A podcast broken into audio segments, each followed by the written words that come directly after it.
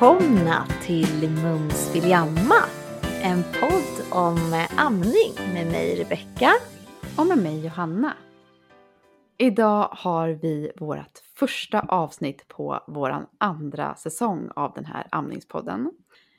Det kommer se ganska lika ut som förra säsongen. Vi kommer att ha massor av olika gäster som pratar om sina amningsupplevelser. Kan vara ganska många olika gäster, liknande då som förra säsongen men också helt eh, annorlunda. Alltså vi har haft sinnessjukt bra gäster förra säsongen. Alla tycker jag har berört så himla mycket i hela mig.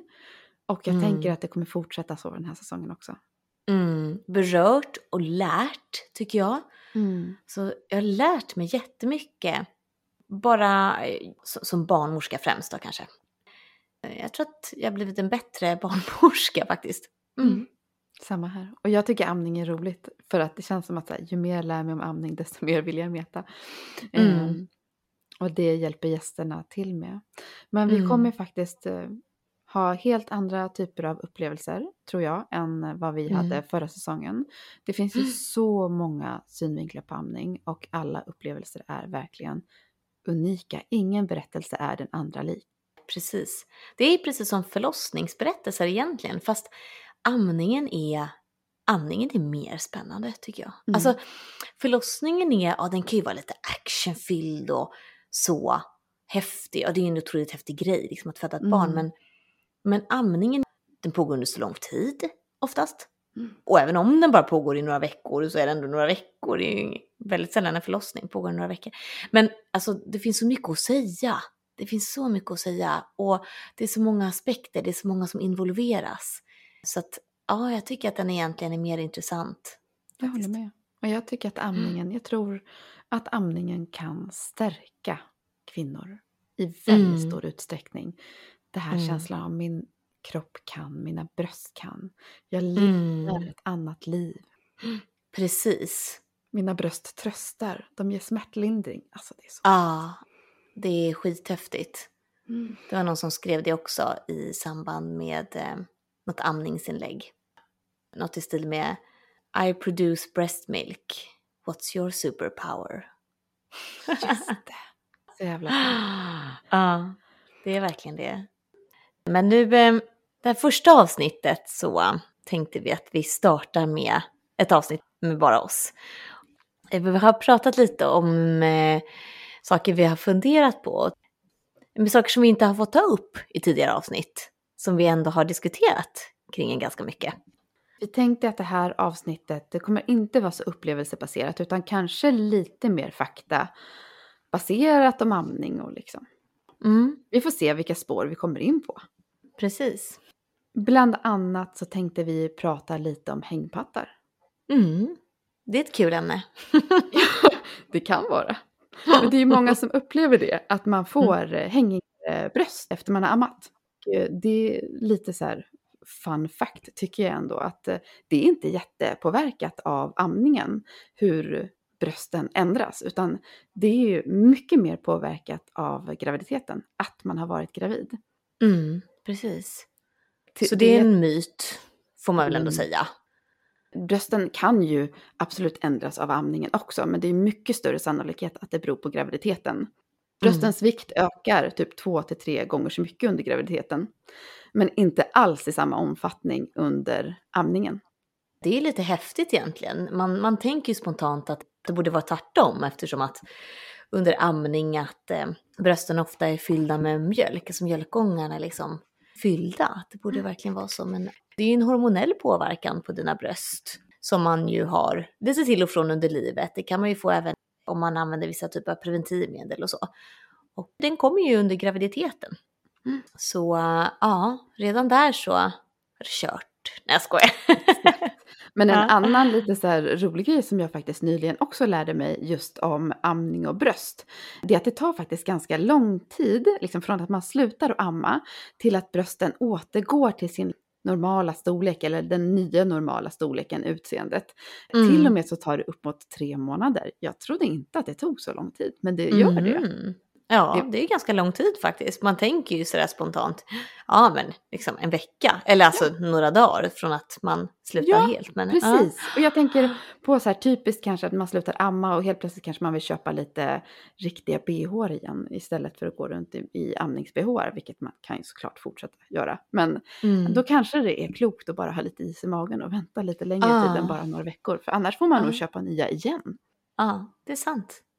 En Eh, annan sak med kroppen mm. också, så här bra att veta, det är ju att amning faktiskt kräver ganska mycket energi.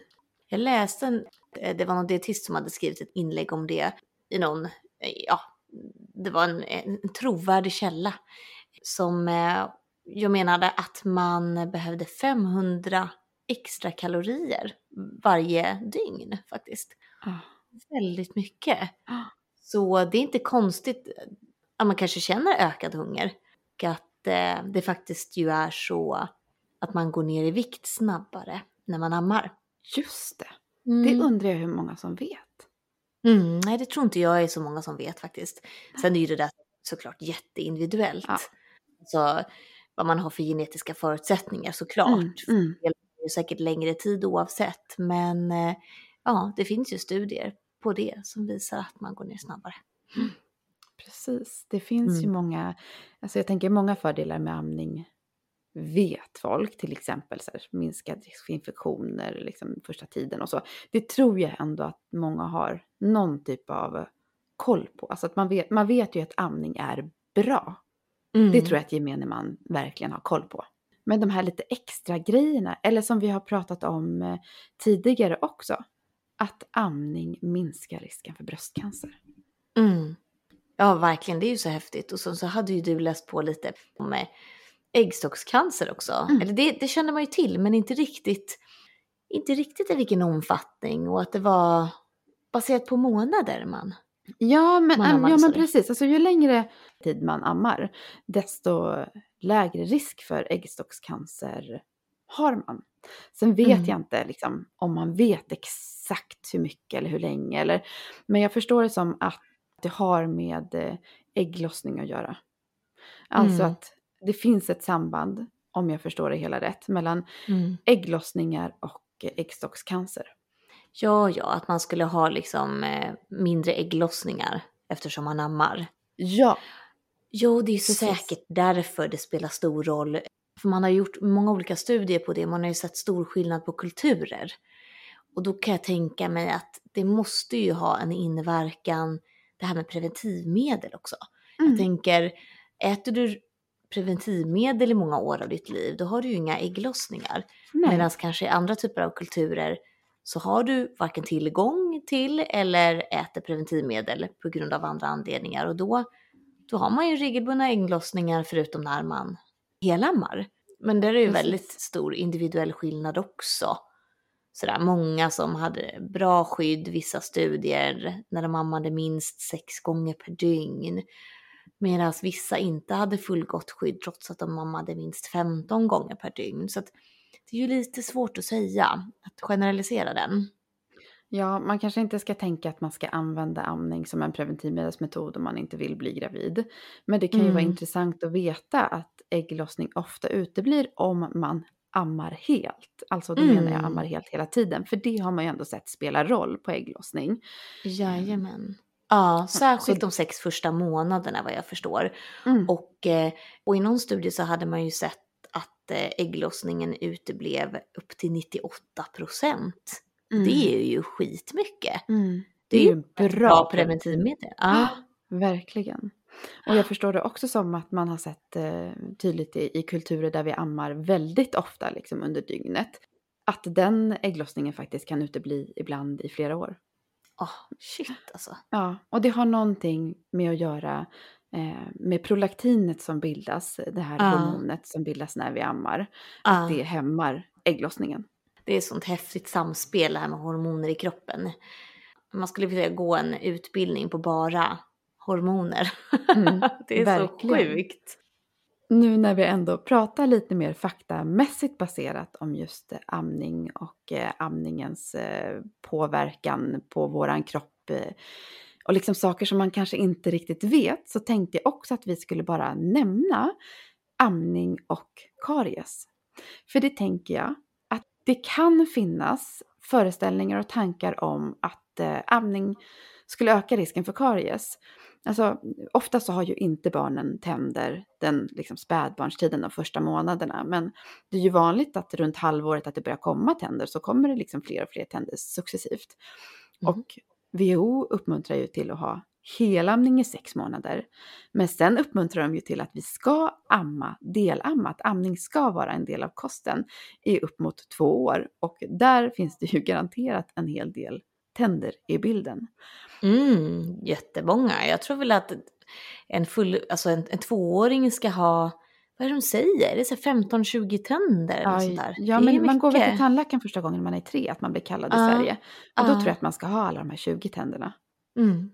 Tror jag, säger jag. Mm. Men jag borde veta det, för det var inte så länge sedan jag var hos tandläkaren med mina egna barn. mm. Ja, men det är i alla fall en bra grej att veta om, att det finns ingen ökad risk för eh, för karies för att man ammar även om man ammar ofta. Men sen så, så ska man ju såklart inte, alltså småbarn ska ändå inte småäta och så vidare, precis som det gäller för oss eh, vuxna. Men just amning har inte påverkat, utan snarare tror jag att man har sett tvärtom. Att det snarare kan ha, ha en positiv effekt i munnen. Mm. Alkohol och amning är ju någonting som också har varit lite liksom kontroversiellt. Ja. Tidigare så sa man ju att man absolut inte skulle dricka alkohol och amma. Och det vet jag faktiskt att jag ska, alltså kom jag på nu, för att eh, när Love, min yngsta, var bebis så opererade jag mitt finger. Och då eh, sa narkossköterskan till mig att jag skulle pumpa min bröstmjölk och kasta den innan ja. jag gav. Ja, jag, jag sa lite fint till henne att jag inte trodde att det var någon fara. Nej, det finns ju så mycket okunskap kring sådana saker. Det har man ju haft eh, patienter, det var inte så länge sedan jag hade en patient som också hade blivit opererad, där hon också hade fått höra av narkosläkaren att hon behövde pumpa och kasta. Mm. Och jag menar, herregud, hur många kvinnor har inte vi som får alla möjliga typer av läkemedel i samband med kejsarsnitt? Och då pratar vi om alltså omedelbara kejsarsnitt, man sövs och allt möjligt. Och läkemedlen går ju ur kroppen på några timmar.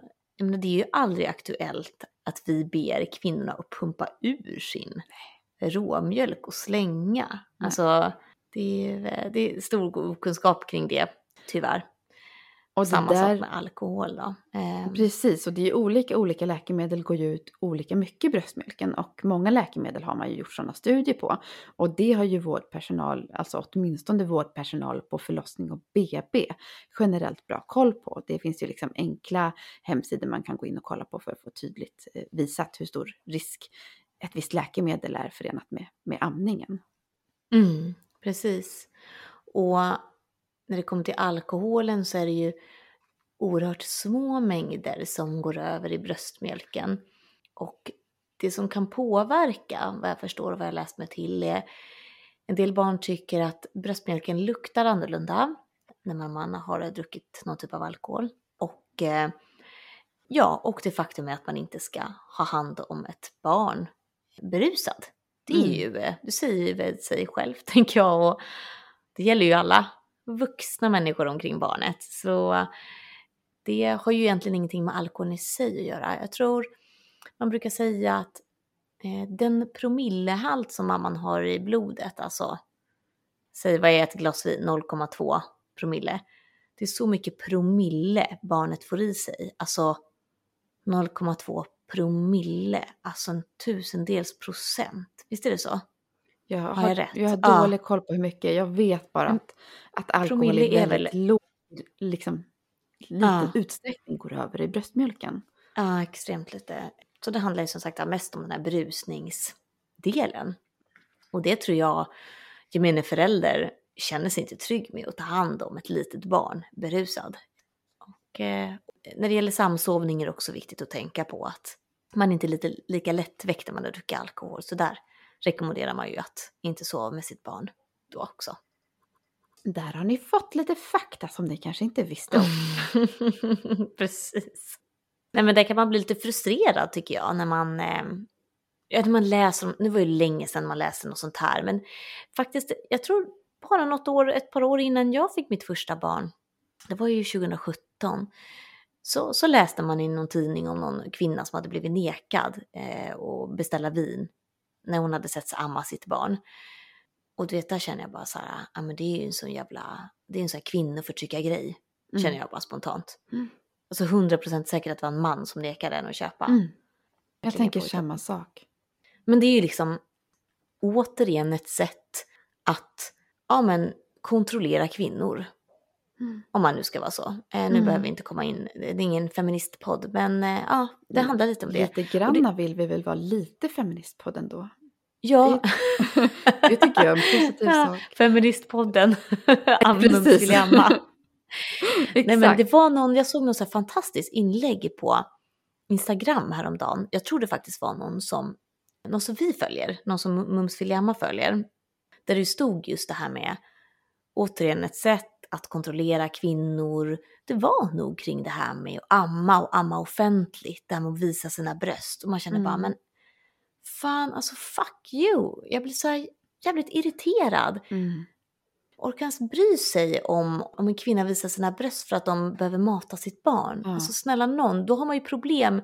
Då, är ju, då ligger ju problemet hos dig om du bryr dig om det på riktigt. Mm. Det är alltså, där får du fundera på varför upplever jag att det här är ett problem hos Mm. mig? Liksom. Ja. Ehm, Precis. Och det skulle ju vara intressant att gräva hos, att de personerna som får de här starka känslorna, de här starka negativa känslorna till att man ser eh, kvinnor amma sina barn, vad, det, vad grundar det sig i?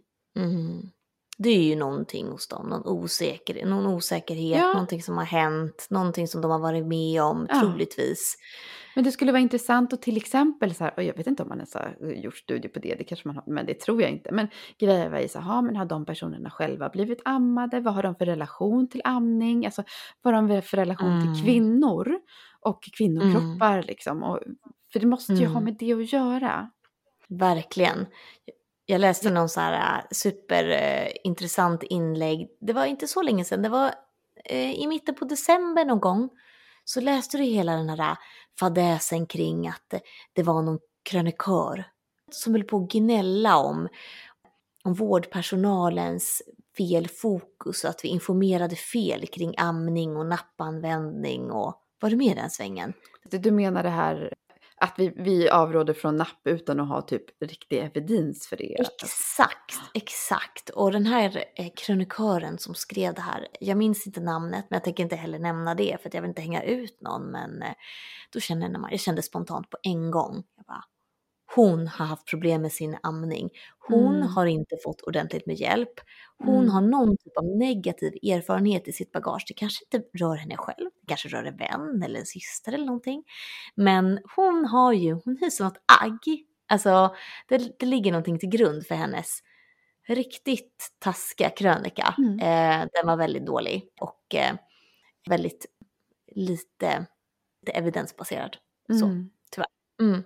Mm. Det är så tråkigt för att vanliga människor läser ju det här och blir liksom påverkade av vad Mm. folk säger.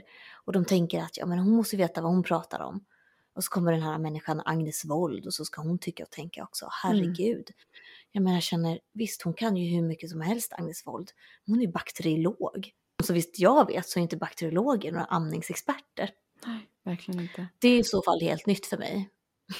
Och så ska vi såklart komma ihåg också så här, vi jobbar ju evidensbaserat, man ska jobba evidensbaserat, men Mm. det finns ju andra aspekter att ta hänsyn till också.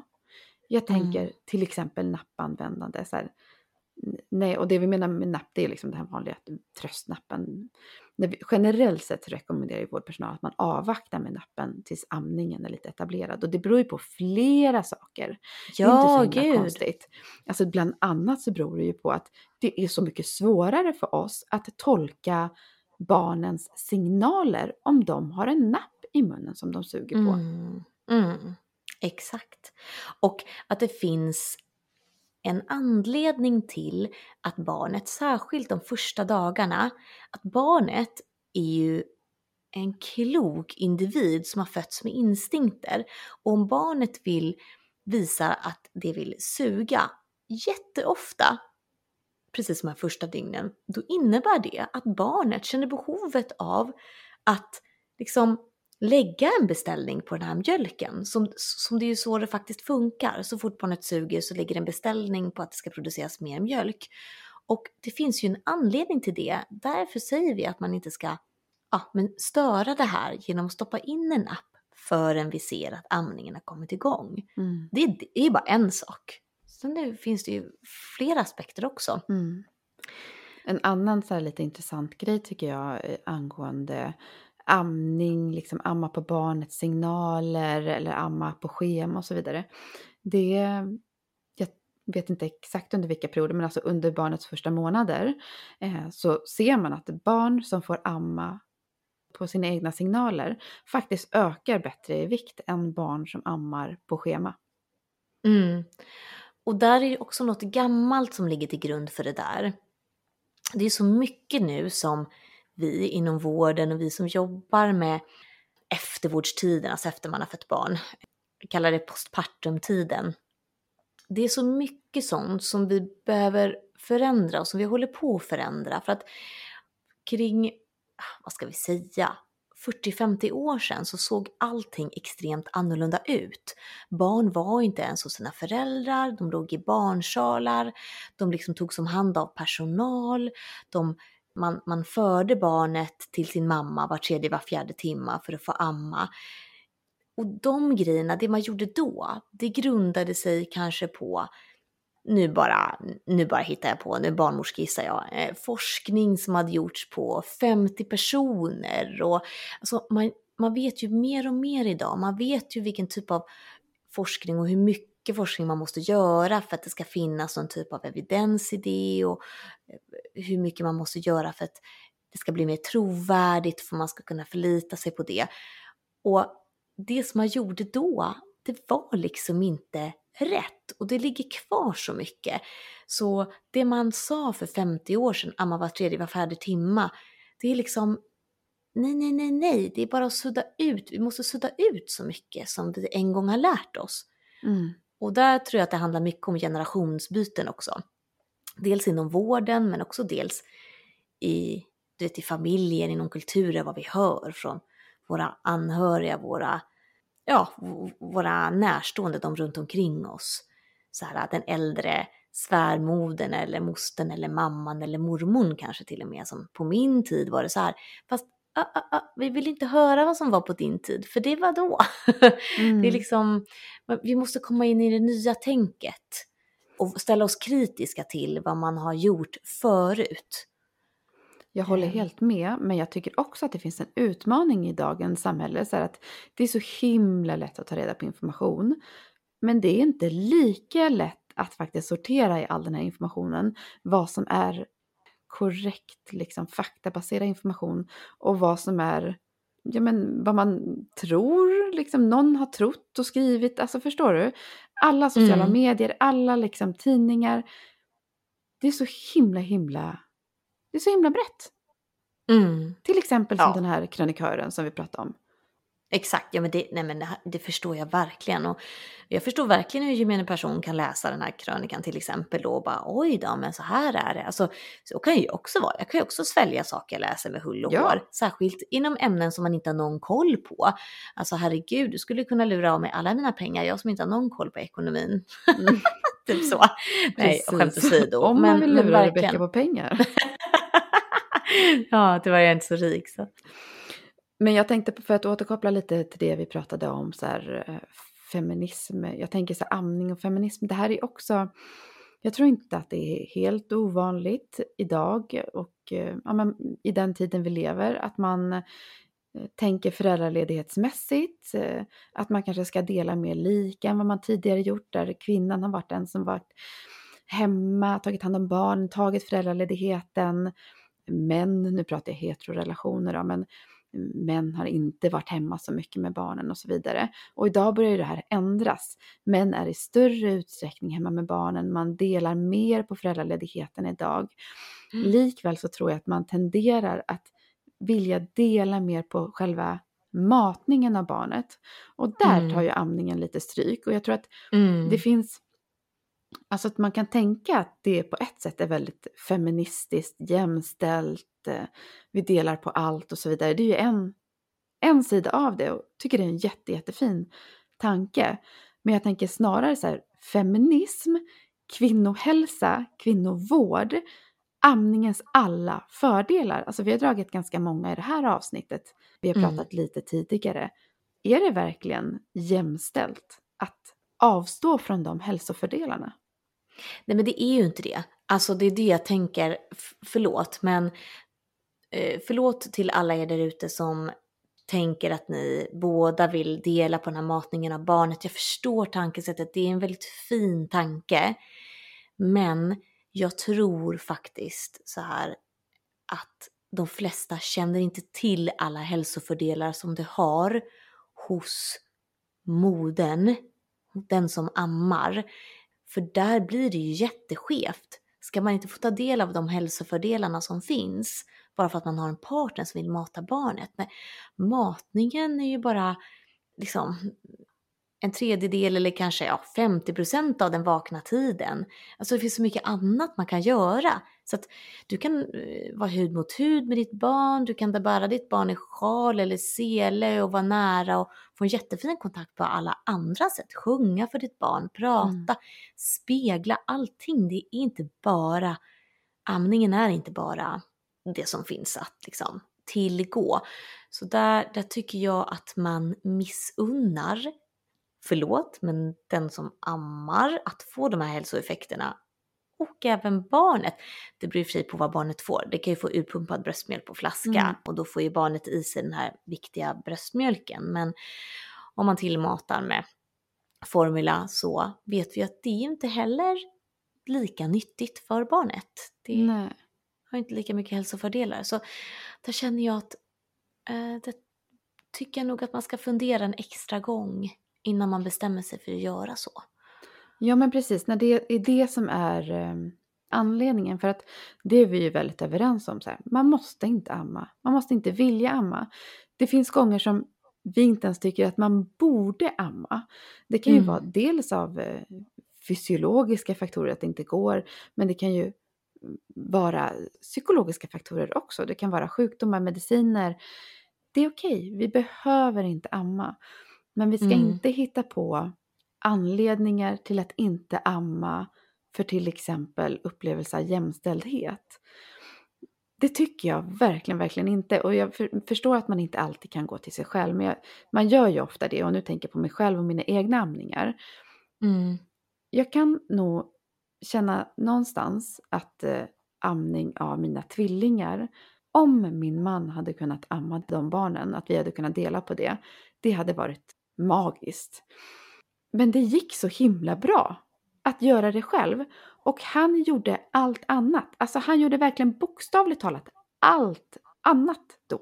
Han var med i amningen. Han var liksom, även om det var barnen som låg vid mitt bröst, han hjälpte till att lägga till dem när de var jättesmå.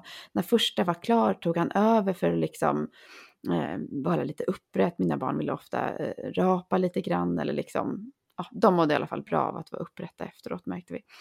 Så att jag, så här, även om inte det var sug från hans bröst så var han en del av våran amning.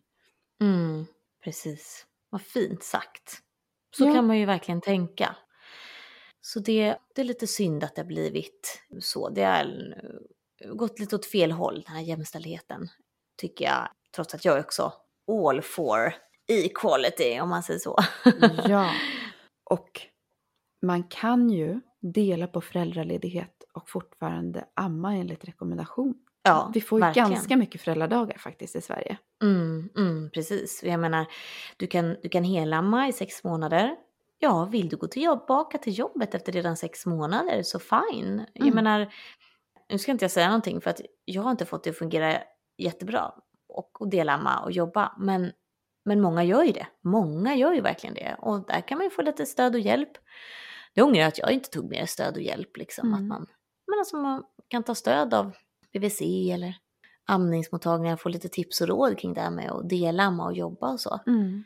För, jag tror att det är högst individuellt också. Jag har ju mm. jobbat heltid nu i fyra fem månader. och eh, ammar deltid, vilket går jättebra. Men jag har ett väldigt Mm. bröstglatt barn. Minst Precis. sagt. Det är liksom första sen när jag Ja. kommer hem, bara mamma, dra i tröjan, dra i tröjan, upp, ner, vilket håll kommer in till bröstet. Ja, vilket hål! Ja, men det är ju så. Ah. Men det är ju, eh, ja men så är det och det vet vi ju, det är ju ända från start. Alltså Mm. det är ju så, det beror så mycket på vilket barn du har. Mm. Så det, det går ju inte att säga, alla barn är så otroligt olika Mm. individer liksom. Och våran bröstmjölk är ju så otroligt olika. Alltså bara så här fetthalten i bröstmjölken, det kan ju variera från olika amningstillfällen hos en själv också. Jag tycker sånt här Mm. är så himla coolt att alla barn ammar på så himla olika sätt. Vissa ammar jättelänge, andra ammar jättekort oftare. Alltså, Mm. tycker är så häftigt. Mm, verkligen. Det är som att eh, de kommer ut och så bara är det på något vis. Och det är liksom, allt är också baserat på vilka de är och vem, vem du är som förälder också. Mm. Men det tycker jag är så häftigt. eh, Nu blir jag lite spirituell, men det är lite häftigt också när man lyssnar på våra gäster. Nu eh, har ni ju inte hört allt än, men det här med liksom hur de kan berätta saker och ting, hur det har varit för dem. Och så tänker man så här, men alltså, du vet, vad häftigt liksom att, eller vilken tur att det har varit just det här barnet och den här mamman, eller den här föräldern. Att det på något sätt varit meningen att, du vet, att det här barnet ska komma till den här föräldern. För att de har fått det att funka på något vis. Mm.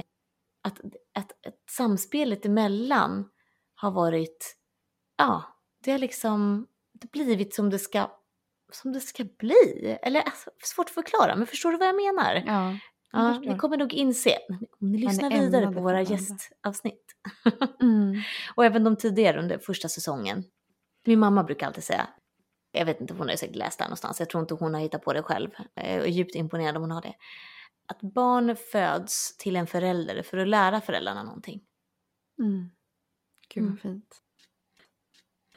Men du, med den Ja. heta repliken tycker jag vi ska börja avrunda och tacka för oss Ja, för den men, här eh, gången. Ja, det gör vi. Och så ser vi fram emot nästkommande avsnitt nu med eh, de här fantastiska gästerna.